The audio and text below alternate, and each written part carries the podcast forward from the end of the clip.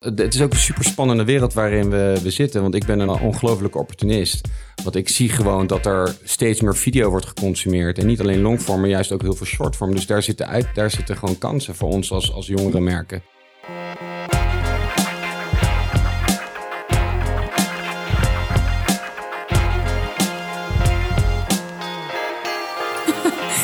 Is Brief.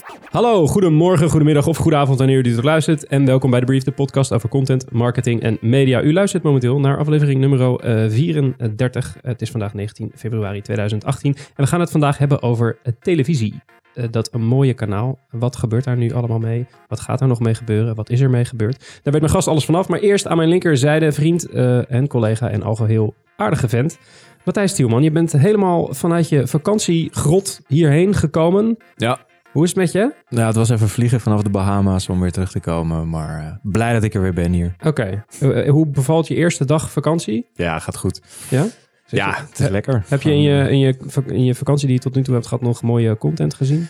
Ik kwam één ding tegen wat ik absoluut met jullie wilde delen. Dat is de Underwater Photographer of the Year Award. Ehm, Niche. Die kwam ik tegen op de website eh kotke.org, volgens mij is het. Ehm, ja, super mooie fotografie. Weet je, het is echt zo bizar mooi en zo'n wereld. Een beetje in de lijn met Blue Planet, wat, wat natuurlijk op tv is geweest. Ehm, maar ja, prachtige fotografie. Die hele toffe organisatie die eigenlijk onderwaterfotografie miste in alle fotografie awards. Die, eh, ja, die, die gegeven worden aan, eh, aan natuurfotografen en zo. Zijn dat zelf begonnen. Als ik het goed heb, in 2014 is hij voor de eerste keer uitgereikt. En ja, dit is gewoon eh, fantastisch. Dus als je even niks te doen hebt, klik erheen en laat je inspireren. Wat was je favoriete foto? Wat stond erop? Er is een foto van twee zwanen die je half onder water, half boven water ziet. Check de show notes, daar komt hij te staan. Eh, maar heel, heel tof gedaan. Cold Cup. Kabeljauw Cup. Is dat het? Nee? Cold Cup, toch? Zei je. Kot Cup? Dat is toch kabeljauw? Nou, goed. Voordat we verzanden in eh, eh, Engelse benamingen voor vissen, wat is een hele andere podcast. Aan mijn rechterhand zit, eh, zoals iedere editie, de gast. Is Maurice Hols van Viacom. Zit al sinds 2004 bij Viacom. Eerst deed hij MTV, toen komt Comedy Central erbij. En inmiddels is hij Executive Vice President en General Manager van Viacom Benelux. Dat heb ik inderdaad van zijn LinkedIn. Onder Viacom vallen natuurlijk mediamerken als Comedy Central, MTV, Nickelodeon en ook Spike. Waar we het later ook nog wat langer over gaan hebben. Maar eerst, Maurice. Hoe is het? Goed, dankjewel. Miste ik iets in de introductie? Eh, nee, dat is, eh, dat is een lange tijd, hè? bijna 14 jaar. Ja. Eh, ja, dat voelt, dat, dat, dat, is, dat voelt niet alleen lang, maar dat, dat klinkt ook erg lang als je dat zo Ja. introduceert. Ja, ja, nou ja, maar goed. De, de, ze moeten iets goed doen om je zo lang te houden. Want bedoel, het is daar gezellig. Dat kan Absoluut, absoluut. Ik, dat is, dat is gezellig en, en enerverend. En het is absoluut een, een, een interessante journey geweest binnen Viacom. En het is het nog steeds. Oké. Ja. Is dit de eerste keer dat je te gast bent in een podcast? Ah, mijn allereerste podcast. Oké. Ben je een beetje zenuwachtig? Eh, ik vind het wel een beetje spannend, Oké. maar eh, ja, ik heb er wel heel veel zin in. Oké, dan gaan we eerst naar het nieuws en dan ontdoor je helemaal. Gaan we daarna Ja, naar het absoluut. interview. Alright, let's go. Ja, bent u bij ons terug? Zoals u van ons gewend bent, bespreken we iedere aflevering drie nieuwsitems die de media marketing eh, wereld in zijn of haar ban hebben gehouden. Het eerste nieuwsitem komt bij ons via Digiday UK en gaat zoals eigenlijk iedere aflevering over Facebook. Eh, eh, wat is er nou precies gebeurd? Ehm, News UK, dat is een, een Britse uitgeverij, die heeft namelijk een, een nieuwe displaypositie eh, ontwikkeld. Dat is best wel een grappig verhaal, want die hebben eh, het voor elkaar gekregen om een eh, social ad, dus een, een betaalde Instagram post of een betaalde Facebook post, te embedden en het uit te serveren als displaypositie. Met als ja, verkoopargument richting merken.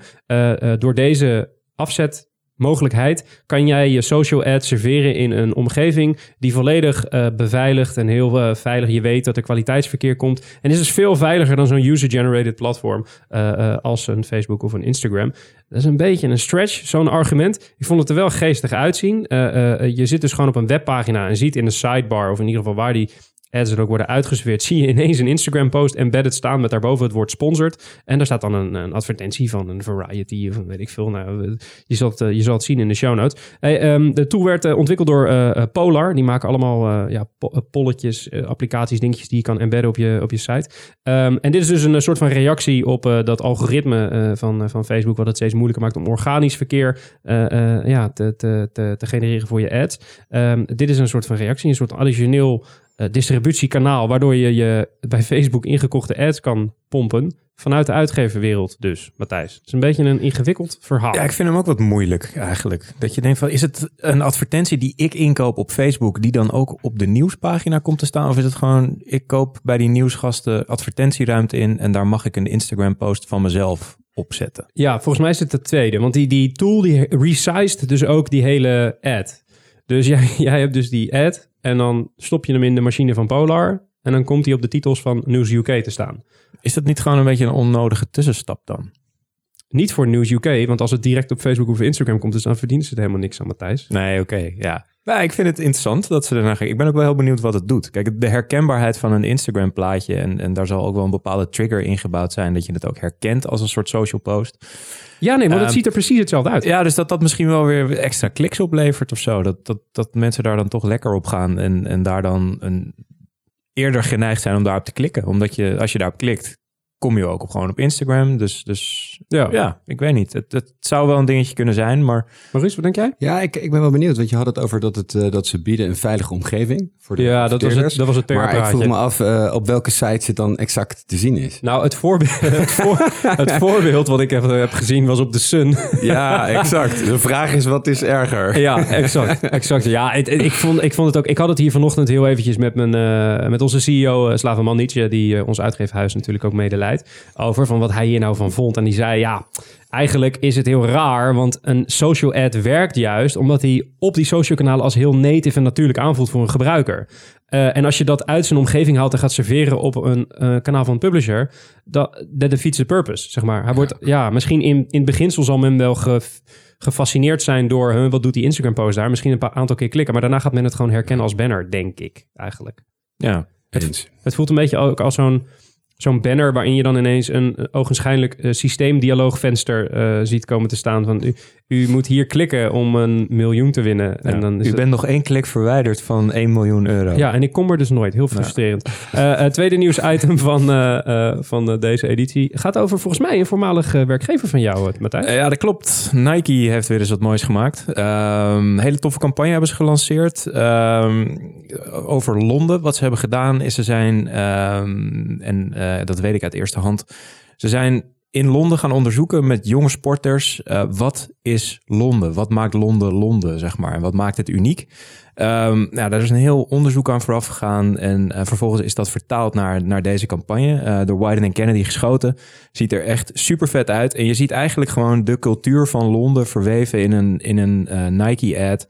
Ehm, ja, er komen allerlei sporten voorbij. Bekende eh, sporters zoals Mo Farah, Harry Kane. ehm, en, en verder ook nog artiesten zoals Skepta. En, en ja, allerlei eh, figuren uit de Londense scene komen voorbij. En, en challenge eigenlijk iedereen van, eh, ja, weet je, try to be the Londoner. En ehm, ja, heel vet resultaat. Het deed een beetje denken aan die oude campagne die door Guy Ritchie ooit is geschoten. Het is, het is heel apart camerawerk. Dus, dus ook visueel is het gewoon is het een snoepje om naar te kijken.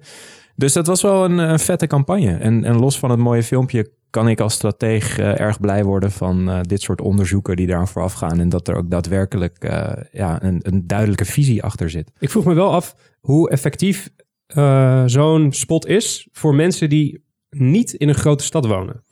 Want ik zag hem en ik, ik vond het heel vet, hè? die hyper, releva- eh, eh, hyper eh, ehm, lokale referenties die erin zitten. Want ze hebben het echt over metrolijnen en hele eh, buurtjes waar ze doorheen rennen en zo. Dus het, het staat bol van de referenties die je heel erg snapt als je uit Londen komt, überhaupt. En ik snap hem ook, omdat ik woon in Amsterdam en ik, en ik woon in een, in een grote stad met veel cultuur en heel veel verschillende dingen. En ik begreep zeg maar het plaatje wat ze wilden neerzetten. Ik vraag me wel af dat als jij eh, eh, niet in zo'n stad woont, of je dan ook die dynamiek snapt en ook die, of in ieder geval weet te waarderen op het niveau wat Nike wenst of zo. Ja, maar ik denk dat Londen is natuurlijk groot genoeg om een klein land te zijn. Ik denk dat, Ja. dat de omzetpotentie van Nike in Londen gewoon gigantisch is. Dus het is voor hen een superbelangrijke markt. En Nike kennende zullen hier op lokale basis ook gewoon evenementen uitgerold gaan worden. En, en allerlei promo-activiteiten. En het zal me niet verbazen als er een vergelijkbare campagne binnenkort voor Berlijn, Parijs, Barcelona, eh, New York... You name it, dat dit gewoon een soort nieuwe wereldwijde campagne wordt die uitgerold wordt. En, eh, Ja, dat zou ik heel vet vinden, maar het voelt niet als een lokale campagne. nee, Dit is echt de, de, de, zin- zitten miljoenen in. Ja. De, de productiewaarde is insane. Het is echt fantastisch. Drie Ja. minuten gewoon... al- Als advertising professional zit je gewoon te likken bij, maar ook als een gemiddelde kijker zit- denk je wel, holy fuck, hè? Ja. Eh, ongeacht of je de referentie snapt, is het wel echt een heel tof verhaal wat ze vertellen. Eh, eh, maar toch, dat, ja, ik weet het niet helemaal precies. Maar als, misschien dat is wel een Amsterdamse variant ook. Oh, wel. zeker. Je, je weet het niet. Nou, ze hebben het eerder ook gedaan hè, met, met dat hardlopen van We Run Amsterdam, Ja. We Run Barcelona. Weet je, Ja. dus dat het allemaal van die lokale dingen worden. Dus ik zou mijn geld zetten op het feit dat er eh, binnenkort een, eh, een Amsterdam, een Barcelona, Parijs versie van deze campagne gaat komen. Oké. Komt er dan ook een eh, Haagse versie? Ik, eh, ik denk het wel. Ik denk het wel. Want ik, eh, ik wilde alleen maar even inhaken op, jou, op jouw opmerking. Het voerde, ik, ik vond de campagne echt super mooi. En heel mooi dat het vanuit de sporters, vanuit de jongeren zelf is verteld. Dat je het vanuit hun het beeld ziet. Eh, maar het voerde inderdaad niet heel erg inclusief voor iemand die daar helemaal niet onderdeel van Nee. is. Dus eh, ik, ik had hetzelfde gevoel een beetje. Ja, ik vond het inderdaad tof eh, eh, dat ze de influencers, zeg maar, normaal gesproken is het met Nike natuurlijk best wel vaak zo dat ze hun gezichten die ze op contract hebben, die buiten ze gewoon, die spelen vaak de hoofdrol in, die, in alle Ja. uitingen die ze doen. En nu hebben ze echt een soort bijrolletje, een soort van beschouwende. Ja, maar misschien doen ze dat ook wel om, om gewoon ehm, weer wat dichter op de doelgroep te komen te staan, zeg maar. Weet je, omdat natuurlijk, ja, de Cristiano Ronaldo's van deze wereld en al dat soort flashy dingen. Nu zitten ze in één keer weer heel erg op die straatcultuur. En dat zijn uiteindelijk wel de mensen die die, eh, die schoenen en die, die shirtjes allemaal kopen. Dus ja, ik, ik denk dat hij heel goed gaat resoneren bij jonge mensen, absoluut. Eh, maar ik ben wel heel nieuwsgierig inderdaad eh, of, of andere jongeren uit andere steden Ja. datzelfde zo. Ja, want als advertising professional denk je meteen, oh wat vet, ze hebben al die lokale, het is super lokaal, dat is echt tof. Alleen de vraag is of, ja, of dat dan ook reflecteert naar de doelgroep van Nike. Over het algemeen doet Nike weinig verkeerd op marketinggebied. Dus ik ga ervan uit dat ze het wel vooraf goed door hebben bekeken. En de, de, de conculega's van Wyden en Kennedy, eh, die schijnen ook wel lekker bezig te zijn. Dus nou, laten we ervan uitgaan dat het allemaal eh, een uh, daverend succes gaat worden. Het, eh, het derde nieuwsitem, eh, voordat we naar het eh, interview met Maurice gaan. Het derde nieuwsitem gaat wederom over Facebook. Uh, uh, ik beloof u bij deze plechtig beste luisteraar in aflevering 35 gaan we geen nieuwsitems doen over Facebook. Uh, daar gaat de redactie heel blij mee zijn met deze uh, belofte, maar dat laten we het een keertje proberen. Uh, maar derde nieuwsitem van deze aflevering draait eigenlijk om het, uh, de branded content guidelines van Facebook. Want die zijn namelijk veranderd sinds 25 uh, januari. is een beetje ondergesneeuwd door het algoritme nieuws, hè? maar um, er is daadwerkelijk wel iets interessants aan de hand. Want vanaf 25 januari mogen pa pagina-eigenaren, dus Facebook pages administrators, die mogen niet meer iets van waarde letterlijke woorden in de guidelines, iets van waarde accepteren in ruil voor het delen van content die ze niet zelf hebben gemaakt.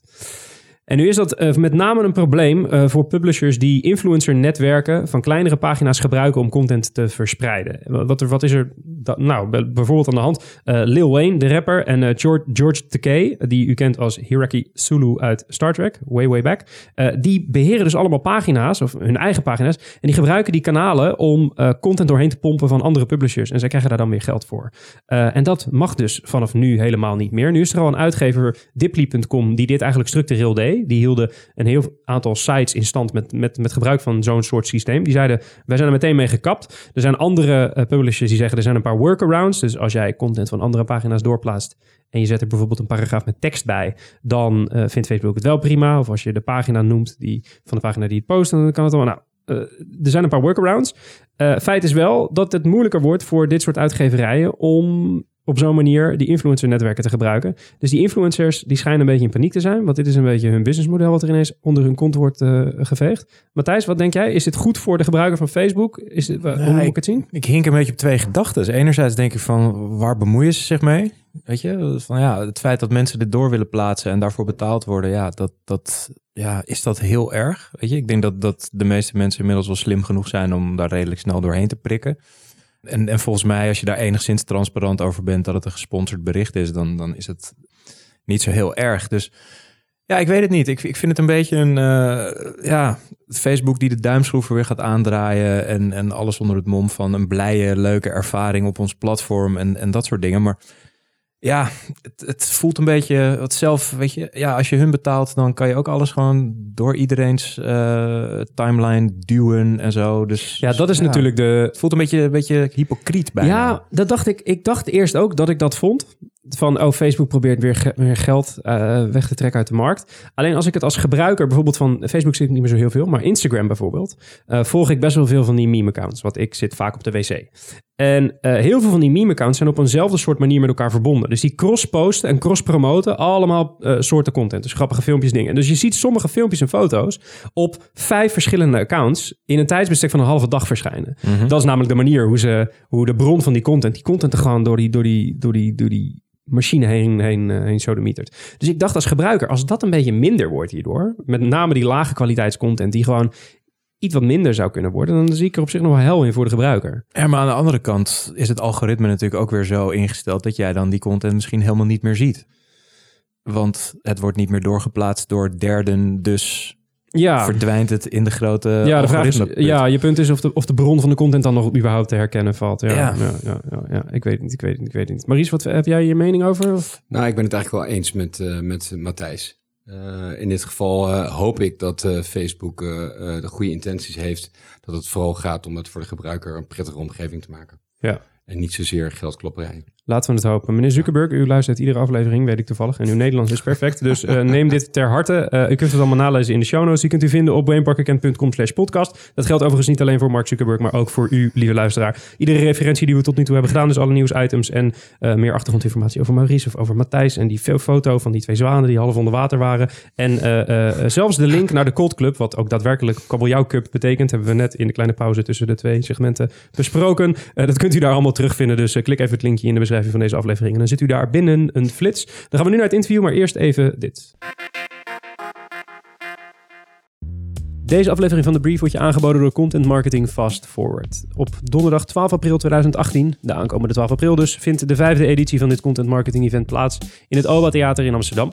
En wij zijn net zoals de afgelopen twee jaar trotse partner van dit event. Wat kan je dan precies verwachten tijdens het Content Marketing Fast Forward op die 12 april? Dat is een interactief ochtendprogramma met ronde tafelgesprekken met experts. En hier krijg je de kans om in gesprek te gaan met die experts en alles te leren op het gebied van onder andere de ROI van content, content marketing en employer branding en de skillset van de content marketeer van de toekomst. Heel interessant dus. Het middagprogramma wordt gevuld door een aantal interessante sprekers, zoals ieder jaar. En dit jaar trappen we af met Olivier Blanchard, auteur van onder andere de ROI of Social Media en stratege bij researchbureau Futurum.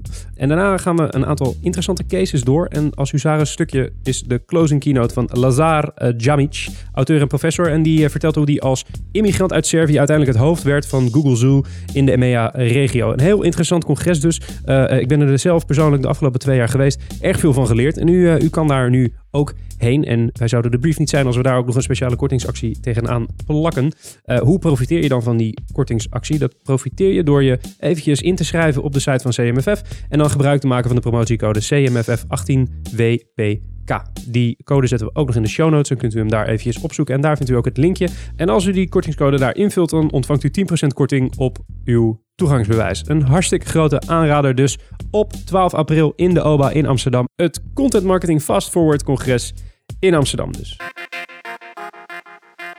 Zijn we weer terug in de studio en dat betekent dat we het gaan hebben over televisie. Want eh, de gast is zoals u weet Maurice Hols van eh Viacom. Maurice, je hebt met Viacom heb je de leiding over. Je hebt heel veel mediamerken onder je hoede. Ik was heel benieuwd wat je zelf kijkt. Ha. Switch je uit een soort van eh, beroepsverplichting tussen de zenders of heb je stiekem een favoriet? Ehm, zo nu en dan zap ik wel, puur uit interesse. Maar ik merk dat ik zelf eh, ook eh, weinig tijd heb om, om lineair te kijken. Dus mijn voorkeur heeft soms al late night iets, iets terugkijken. Of, of gewoon een serie volgen met, met de vrouw op de bank naar Netflix bijvoorbeeld. Juist, dus toch Netflix dan. Absoluut, ik ben gewoon een doorsnee van de gemiddelde consument. Oké. En, en als je eh, eh, vanuit je eigen portfolio eh, een van je lievelingsprogramma's, waarvan je tegen de luisteraar kan zeggen, nou, als je er eentje uitkiest, dat is Nou, ik, ik, ik ben een enorme fan van Bellator op, op Spike. Dat is onze MMA, on- onze MMA-franchise. Ik kijk heel graag naar WFL met Melvin Manhoef en, en zijn competitie, kickbox competitie. Ehm, en mijn favoriet op Comedy Central is Modern Family. Gegarandeerd succes is dat. Absoluut. Ja, ja, ja. Hey, en als je kijkt naar je, je, eh, je gemiddelde dag bij, bij Viacom, ik kan me voorstellen, je hebt heel veel, je hebt, je hebt natuurlijk zenderbazen onder je zitten. eh, ehm, die willen allemaal eh, dingen van je. Je hebt andere mensen die dingen van je willen. Hoe ziet zo'n gemiddelde dag eruit voor jou? Ehm, jeetje, dat is eh, best een eh, moeilijke vraag. Ik, hoe- ik, eh, het zit vooral vol met vergaderingen, als ik heel eerlijk ben. Dat betekent dat ik inderdaad continu met iedereen in gesprek ben. Enerzijds inderdaad de merken, de merkbazen, die continu bezig zijn met een platform te vullen met content. Anderzijds ben ik ook gewoon met programmamakers nog steeds in gesprek. Ehm, aan de commerciële kant eh, de business lines eh, continu bezig over content distributie. Ehm, maar ook eh, gesprekken die gaan over advertising, onze partner natuurlijk, Brand Daily. Dus het is een redelijk gevarieerde dag. Maar content en de merken staan eigenlijk altijd centraal. Ja, en het gaat volgens mij best wel lekker. Want ik las, eh, ik was een beetje research aan het doen. Ik las dat je, eh eh je marktaandeel was met 16% gestegen. ten Ja, opzichte van vorig jaar. Ja, absoluut. Hoe komt dat, volgens jou? Uh, nou, dat komt door een aantal dingen. Ik denk uh, dat we heel uh, een, een, een goede optimalisatie hebben doorgevoerd in ons portfolio. Uh, zoals jullie weten hebben wij Spike gelanceerd vorig jaar. Uh, begonnen op de backend van Nickelodeon als vervanger van T-Nick. Uh, heel snel succes en verder uitgebouwd naar 24 uur zender. En je ziet dat de zender eigenlijk heel erg goed resoneert binnen de doelgroep. Uh, Comedy Central is echt een, echt een zender die, die gevestigd is en, en, het, en het heel goed blijft doen onder de millennials. Top drie zender en ja, veruit de grootste niche-zender die we hebben in Nederland. Hey, en je zei net al even Spike gelanceerd. Kan je ja. ons eens meenemen in, in de beslissing waarom ja. jullie die zender gelanceerd hebben? Gewoon van, nou, je zag ja. een gat en... Ja, dat, uh, dat, uh, dat, nou, het begon eigenlijk met het feit dat wij T-Nick hadden op de, op de backend van Nickelodeon. T-Nick was een, een, een, succesvolle zender die zich, die zich vooral focuste op de, op, de, op de jongeren tussen de 12 en, en 16 jaar. maar lineair commercieel veel minder interessant. Uh, dus bij het optimaliseren van het portfolio ben ik gaan kijken van oké, wat hebben wij in ons portfolio wereldwijd, uh, wat wellicht ervoor kan zorgen dat we toch die iets oudere doelgroep aan ons kunnen binden. Want, wat, wat maakt, uh, sorry dat ik wat, ja, wat maakt uh, Teen Nick uh, commercieel niet interessant? Nou, omdat je zag dat op dat moment al heel veel jongere adverteerders niet per se lineaire campagnes inzetten. Dus niet per se televisie als, als hoofdmedium inzetten. Dus het, het de, de, de, totaal van de bestedingen liggen aan de lage kant als het gaat om 12 tot 16-jarige campagnes. Ja, dus, ja, ja. was puur eigenlijk een economische ingeving om te kijken van oké, okay, hoe ga ik mijn portfolio zo goed mogelijk optimaliseren? Enerzijds commercieel, anderzijds had het wel echt te maken met het feit dat we uh, die, uh, die veroudering, uh, echt daadwerkelijk de vergrijzing in de lineaire tv zagen verschijnen. En dat, we, dat ik dus wel een merk wilde lanceren wat in ieder geval kon, kon niet alleen jongere volwassenen kon bereiken, maar ook een appeal had naar een wat bredere doelgroep. En, en als je voor mensen die nu luisteren en denken, Spike, ik heb het wel eens gezien voorbij komen, maar ik weet niet waar het over gaat. Kan je het eens omschrijven in een paar steken? Uh, ik zeg altijd een beetje gekscherend dat het een action-driven, culty pleasure channel is. Dat zijn mooie woorden. Ja, ik, uh, we hadden het er net even tijdens onze tortilla heel even over. Het is eigenlijk een beetje de mannelijke tegenhanger van, van TLC. Uh, maar niet per se mannelijk, want er kijken ook net zo goed heel veel vrouwen naar. En dat vind ik ook wel zo leuk, met die hele discussie, over gender neutral en demografie. Uh, wij focussen ons vooral gewoon op, uh, op de thema's. En, en die thema's zijn inderdaad fighting, die thema's zijn, zijn tattoos en strong competition, zoals wij dat zeggen, zoals bijvoorbeeld een Inkmaster. Daar zitten we heel erg op, op, op thema's en veel minder op ben je man of ben je vrouw. Want een vrouw houdt net zoveel van, van, van actiematige series ja. en, en, en, content. Hoe gaat, hoe gaat zo'n proces? Want het, Spike was niet de eerste zender die je naar Nederland haalde. Want Comedy Central heb je Ik ook heb gedaan. Comedy Central ooit ook gelanceerd hoe gaat, zo'n, hoe gaat zo'n proces? Moet je dan een mailtje ja. sturen naar de, naar, naar de grote nou, chef in, in de States van... joh, ik, ik zie dat bij jullie. Ja. Mag ik dat? nou, begin met een business case. ja? ja, ja, ja, ja, het, het gaat allemaal om de business case. Dus je begint met Spike ook, was gewoon uiteindelijk gewoon een businessplan indienen in New York. En dan, uh, dan, zegt de, de, de, dan krijg je goedkeuring of geen goedkeuring. En je businessplan is op, gebaseerd op het feit hoe jij denkt hoe je het merk kan lanceren, hoe het past binnen een portfolio, wat voor investeringen je nodig hebt. En uiteindelijk ook hoeveel toekomst, ja, hoe sustainable het merk kan zijn in de, in de toekomst. En wat daar natuurlijk voor financieel plaatje aan, aan vasthangt. En, en dan, dan komt Spike, want in, eh, wanneer is Spike naar Nederland gekomen? 2015 of zo? Ja, het is nu alweer anderhalf jaar geleden. Ja, ja. ja, ja. En, en, was er een punt, uh, want een jaar later ging die al naar 24-7. Ja, dus, absoluut. dan is er een moment geweest in dat eerste jaar in 2015 waarop jij dacht, zie je nou wel? Was ja. er een specifiek kantelmoment waarop je dacht, godsamme, ik had gelijk? Uh, of is zo, is ja, dat is wel lastig. Want ik dacht uh, vanaf direct voordat we het gelanceerd hadden al dat het zou gaan werken. Omdat ik vond dat er op dat moment in het landschap uh, eigenlijk helemaal geen duidelijke zender was. Uh, met een hele, hele simpele, heldere propositie. Uh, en ik denk dat we heel erg goed uh, hebben laten zien dat we met Comedy Central met een hele simpele propositie helder te zijn, een, een, een, goede niche doelgroep aan te spreken, dat je echt een, een sustainable business kan bouwen in de lineaire omgeving. En ik heb eigenlijk het trucje gewoon herhaald op Spike. en, en wat, wat is het geheim? Want Spike gaat lekker. Volgens lekker, mij, terwijl ja. in, een, in een markt waar toch best wel wat druk op zit. Absoluut. idee. Absoluut. Ehm, hoe komt dat? Ehm, nou, laten we zeggen, ehm, eh, het gaat lekker, eh, maar wel in een dalende markt. Eh, wij doen het absoluut heel goed. Eh, dat komt omdat eh eh, Viacom eh, ehm, als geheel gegroeid is als marktaandeel, maar eh, de totale kijktijd, eh, ik neem aan dat je daarnaar refereert, eh, die is natuurlijk wel enorm aan het zakken. En dat, eh, dat houdt iedereen wel enorm in, de, in de ban in, in, in Nederland. En ook terecht. Want uh, uh, zeker als je met uh, jongeren bezig bent, waarin wij natuurlijk veel in contact staan, niet alleen in onderzoek, maar ook gewoon omdat we jongere televisie maken, dan zie je dat lineaire televisie steeds minder voorkeur heeft. Wat is je verwachting qua, qua ontwikkeling van, van die cijfers? Gaan we op een gegeven moment gewoon een keer een, een plateau weer bereiken? Of denk je dat we daar nog niet in Ja, dat is echt heel koffiedik kijken. maar ik denk dat je wel gek bent als je niet durft een scenario uitwerkt waar er geen lineaire televisie meer is. Dus uh, zoals wij er vooral naar kijken is van oké, wij kijken naar verschillende scenario's. Van uh, ja, misschien kan het nog wel zo zijn dat over een paar jaar mensen nog steeds die lineaire televisie nodig hebben om, om even, ja, even die passiviteit uh, vorm te geven. tegelijkertijd is, is het essentieel dat, dat, dat je de consument en onze fans moet geven wat ze, wanneer zij het willen. Dus het feit dat je iets, iets voor hen produceert op een tijd dat zij dat alleen maar uh, kunnen kijken, is natuurlijk heel erg ouderwets. Dus dat gaat veranderen. De vraag is alleen hoe weinig lineaire televisie er overblijft. Dat uh, valt nog maar te bezien. En heb je, heb je binnen Viacom genoeg vrijheid om je te voor te bereiden uh, op wat rampscenario, laten we ja. hem zo zeggen? Of doe je al nu al dingen om voor te sorteren ja. op het, om voor te bereiden op het ergste? Ja, absoluut. Ja? Uh, dat, dat doen we mede door gewoon hele sterke merken te bouwen omdat onze overtuiging uiteindelijk wel is dat uh, ja, we leven in een gefragmenteerde wereld. Dat wordt alleen nog maar erger. Uh, mensen hebben alleen nog maar meer keuzes. Uh, maar mensen hebben ook wel merken nodig om, om hun keuzes te helpen maken.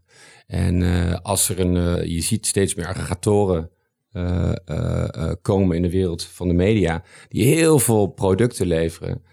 Uh, maar ik denk uiteindelijk dat de consument op een gegeven moment ook niet meer weet precies wat het wil zien. En dat je dus merken nodig hebt die je vertrouwt. En, en uh, die dan ook mee kunnen bepalen wat je wil gaan zien. En is er naast die, want het is een beetje een gidsfunctie die je omschrijft. Gewoon mensen bij de hand nemen, ja, scheppen. Absoluut. En zijn er andere, uh, kijk, je, je merken zijn inhoudelijk zijn verscheiden. Of heel erg uitgesproken binnen hun bepaalde identiteit, ja. hè, laten we het zo zeggen. Maar uh, als, als leider van Viacom, hè, laten we het zo, zo zeggen. Zijn er bepaalde uh, eigenschappen of factoren waar jij een merk op beoordeelt, inhoudelijk? Waar moet een goed merk aan voldoen in die optiek? Um, ik denk allereerst dat een goed merk transparant moet zijn. En uh, geen bullshit moet verkopen. Eerlijk moet zijn.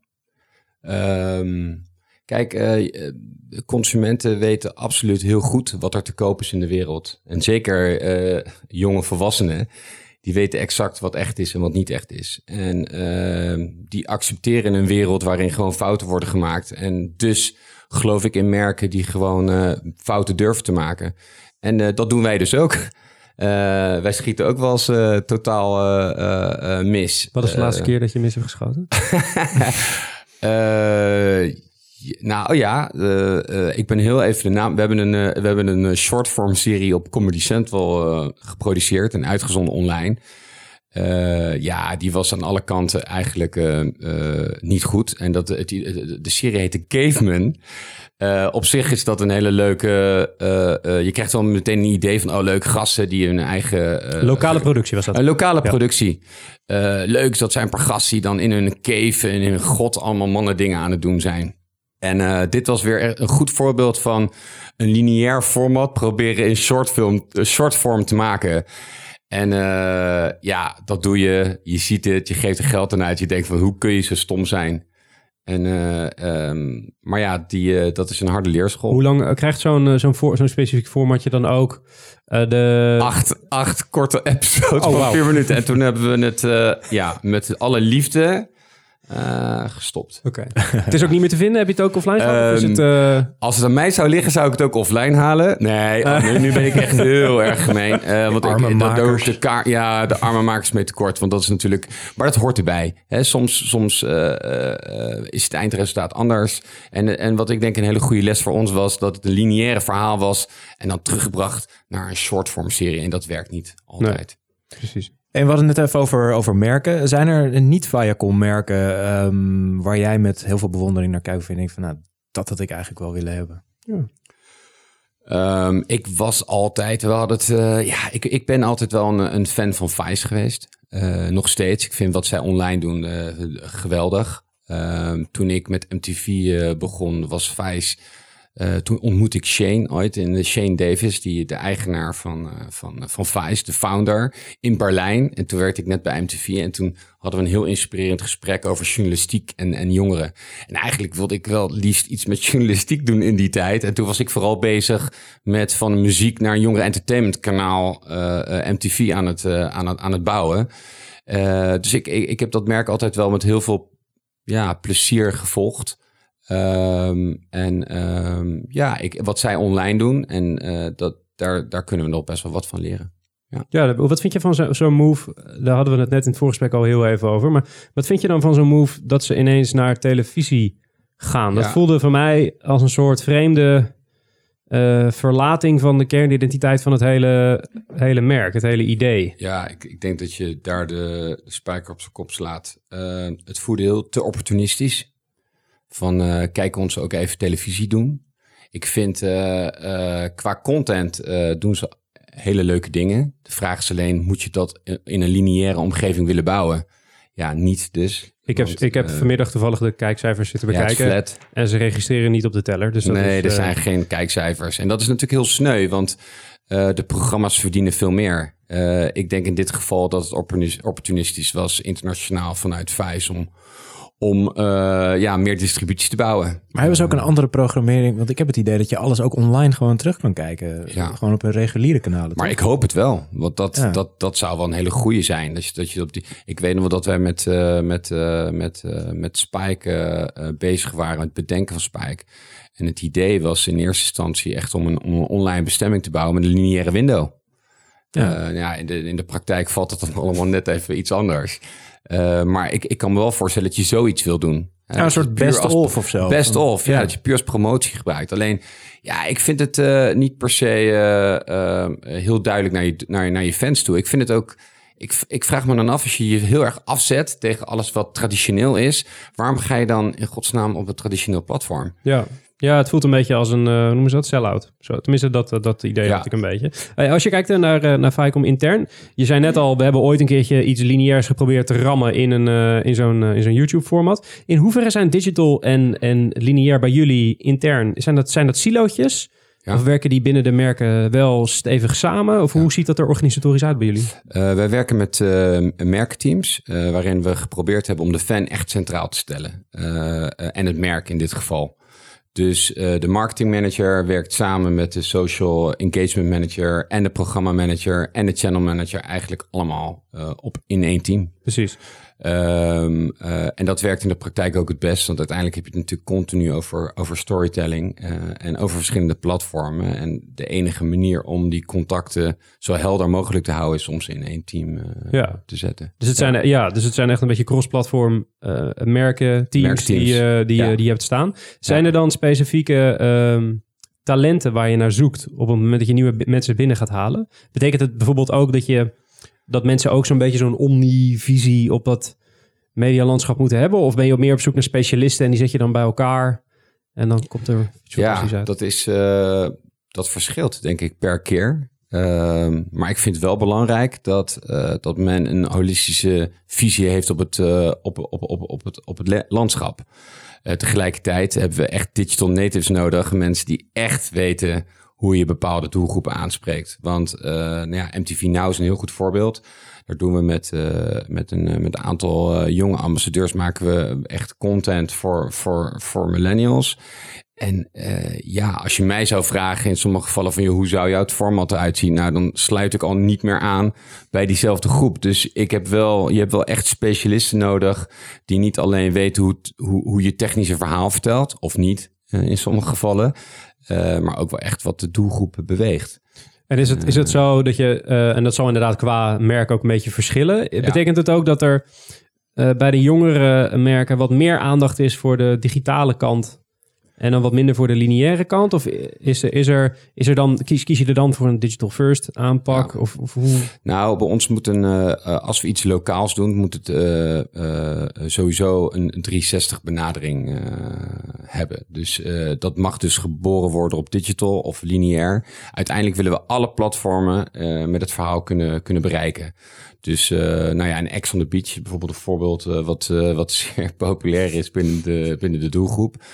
Um, daar wordt dus heel veel content omheen gemaakt die, die niet te zien is lineair, maar die wel op al die platformen wordt ingevuld. Maar het, start, maar het startpunt is daar uh, lineaire televisie? Uh, in dit geval zou je kunnen zeggen lineaire televisie als startpunt. Maar als wij iets bedenken, dan mag het niet lineair zijn.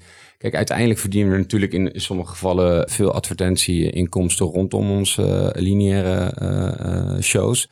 Dus er zit wel vaak een component aan dat lineair is. Uh, uh, Roast is bijvoorbeeld een goed voorbeeld. Het is natuurlijk een, een, een, een event, ja. een, een, televisieregistratie.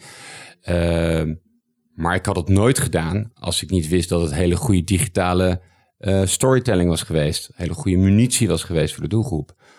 Dan, dan had ik er niet meer, dan had het niet, geen bestaansrecht gehad. Dus nee. het moet wel op alle platformen kloppen. Nou, een goed voorbeeld, Spike, de WFL zijn we live gegaan.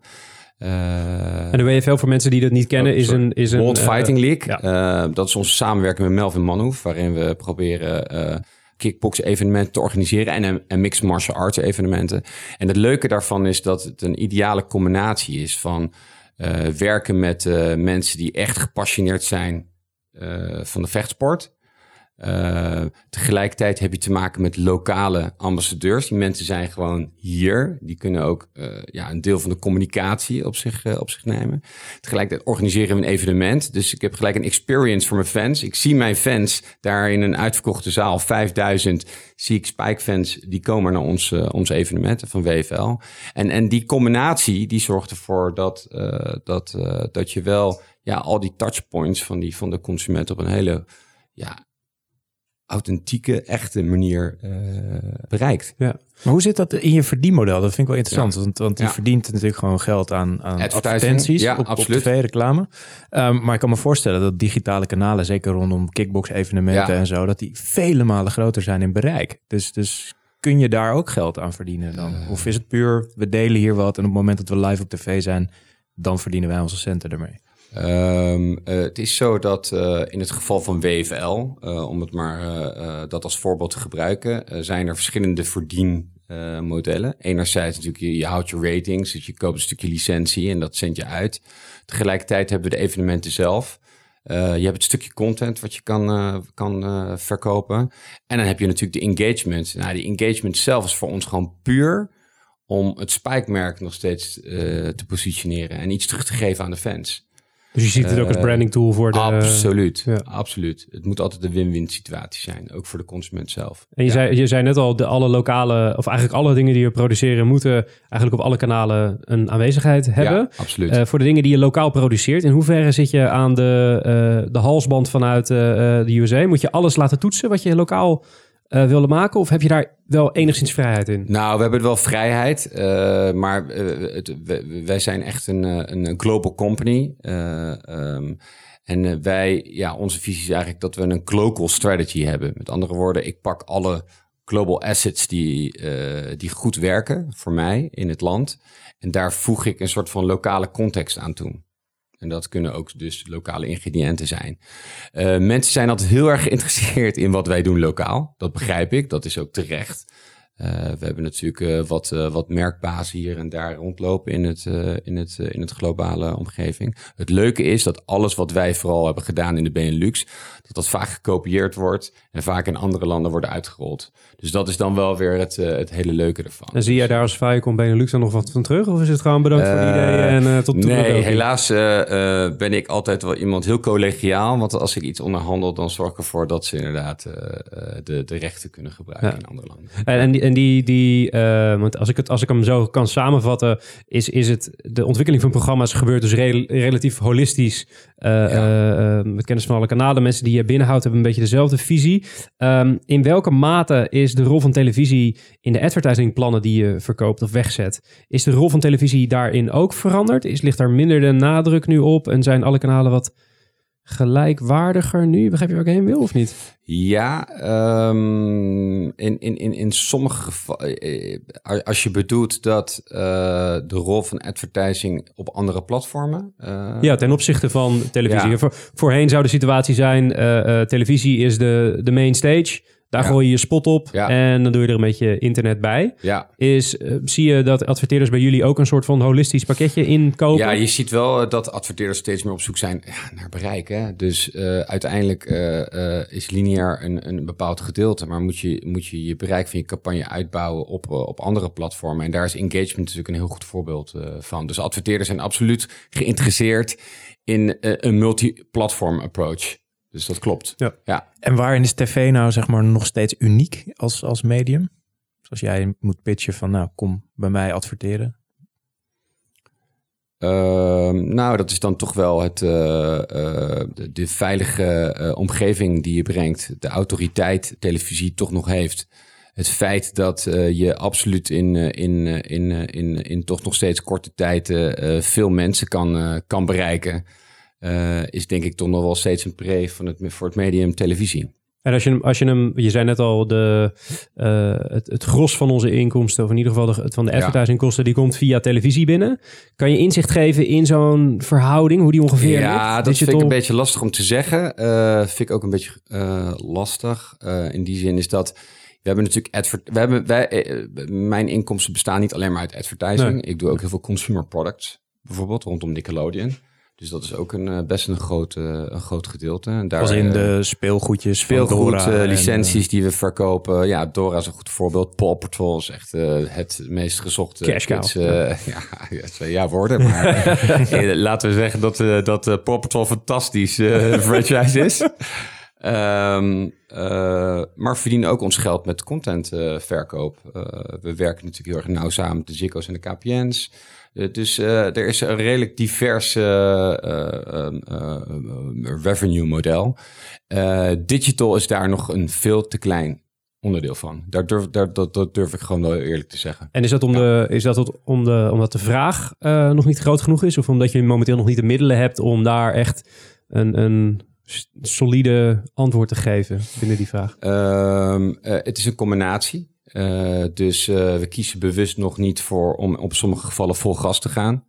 Uh, en in, in, sommige gevallen kiezen we juist voor een, voor een inderdaad een, een benadering met een, met een samenwerking met een operator. Waardoor we veel minder gebruik maken van een Windows-strategie die, die, die onze content online zet. Dus we kiezen in sommige gevallen toch wat voor een, een, een meer premium benadering. En, en als je zegt we werken samen met een operator, betekent dat dat uh, de zender, want dat, dat daar doe ja. je dan op. De mede controleert wat er in de spotblokken te zien is. is. is. dat wat je bedoelt? Of wat bedoel je daar precies mee? Uh, nee, dan doe ik vooral op het feit uh, hoe, wij ons, hoe wij onze content windowen. Dus bijvoorbeeld als je naar Comedy Central gaat, en, bijvoorbeeld, en je wil een programma terugkijken, kan dat. maar dat doen wij niet bij ons op onze website. Hè, je dan moet je via de operator. Wij kiezen dan nu bewust voor een strategie waarin we zeggen: oké, we kiezen dat in de, in de omgeving van de operator. Yes. Terwijl je ook zou kunnen zeggen: van ja, het is eigenlijk te gek voor woorden. Je moet je fans volgen, je moet daar zijn. En dat is echt een transformatie die we nu momenteel aan het maken zijn. Is dat we nu echt kiezen voor waar de fans zijn, om daar ook daadwerkelijk ervoor te zorgen dat ze die content kunnen, kunnen bekijken. Ja, dus uiteindelijk wordt het doel wel om ieder merk een aparte portal te geven waar fans dan heen kunnen om de content opnieuw te beleven. Of, Ja, absoluut. En, eh, en dat, dat kunnen, dat kun- bijvoorbeeld met Nickelodeon hebben we ervoor gekozen om dat eh, in een app eh, te organiseren. Dat had ook vooral te maken met het feit dat je hele jonge kinderen hebt, dat de ouders het kunnen downloaden, dat ze weten wat erin staat.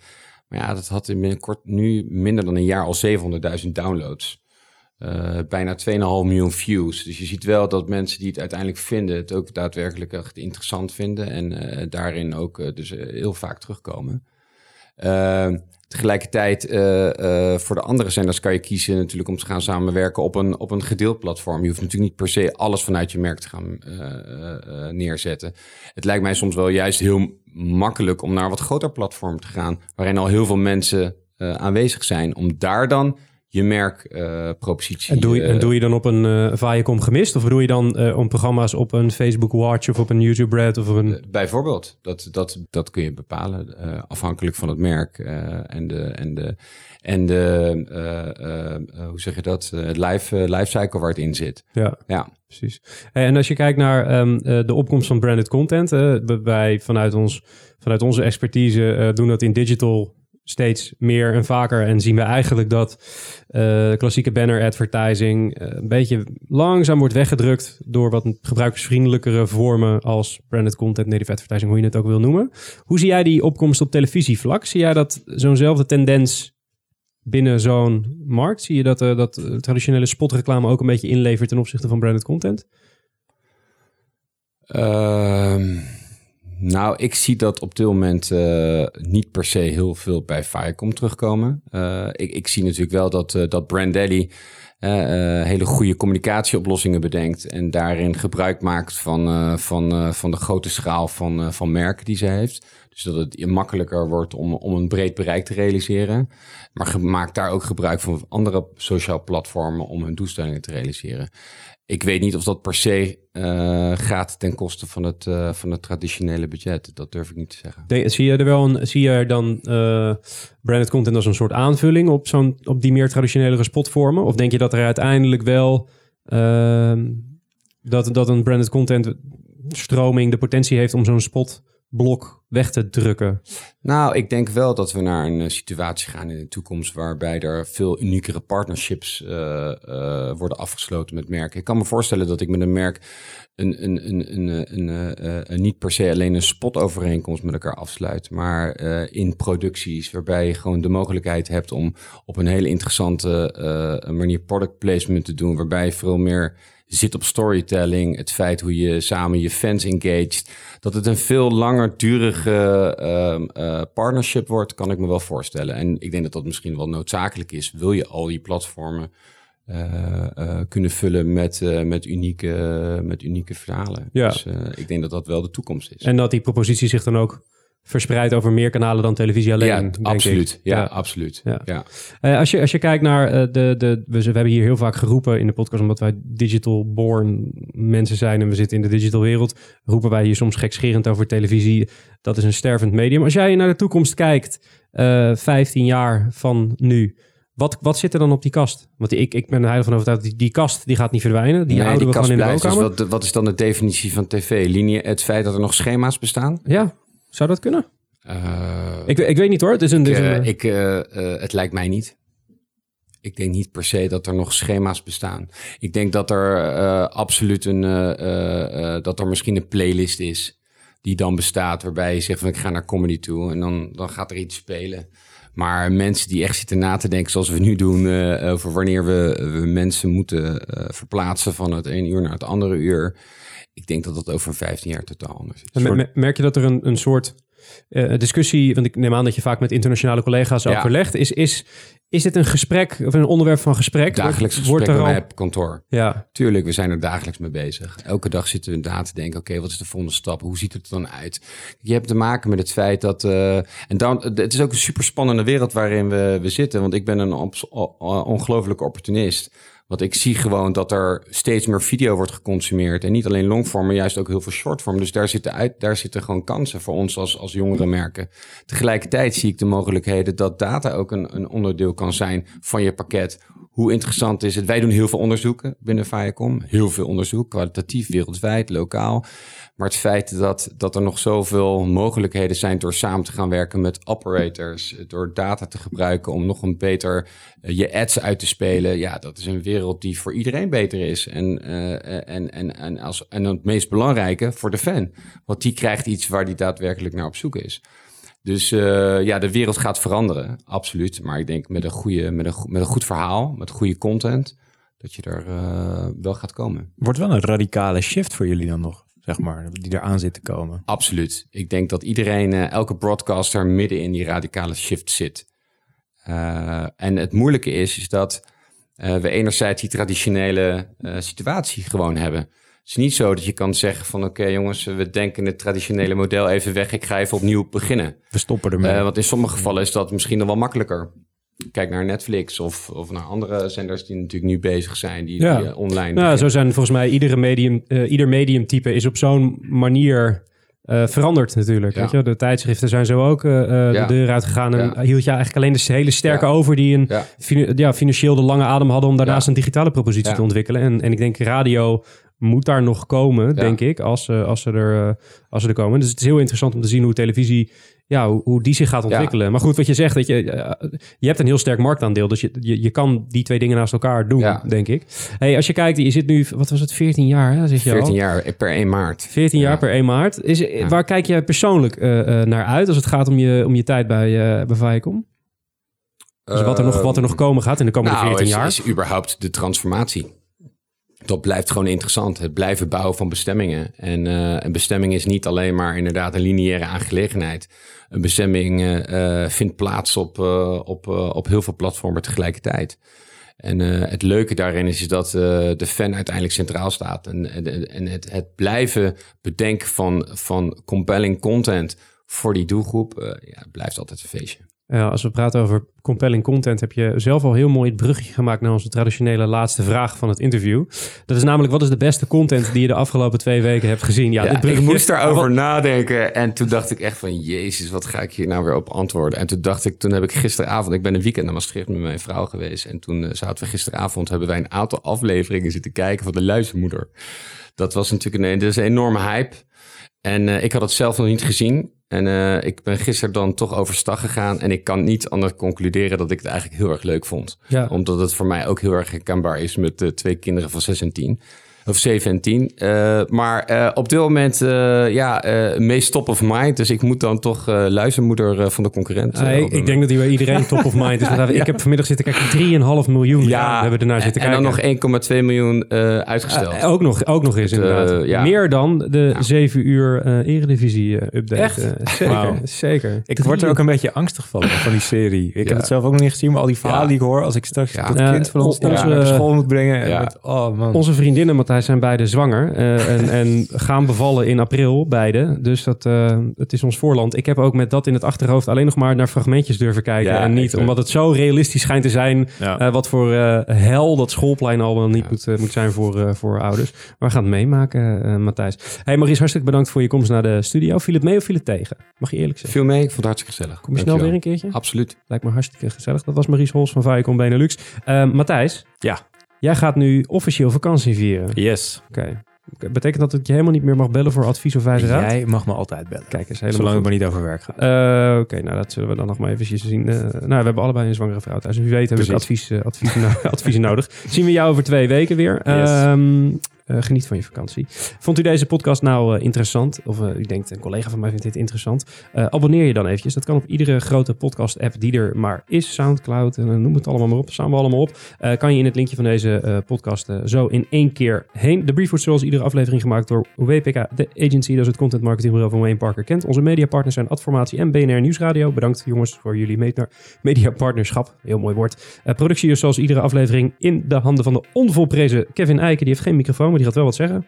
En de redactie wordt zoals iedere aflevering gedaan door Pepijn van der Pol. Die heeft geen microfoon en die gaat ook wat zeggen. Bedankt voor later. Bedankt van Pepijn. Volgende aflevering is over twee weken. Te gast dan is Niels Langerijs, Managing Director van Wavemaker. Tot dan. Mijn naam is Mark Schoones. Tot de volgende keer.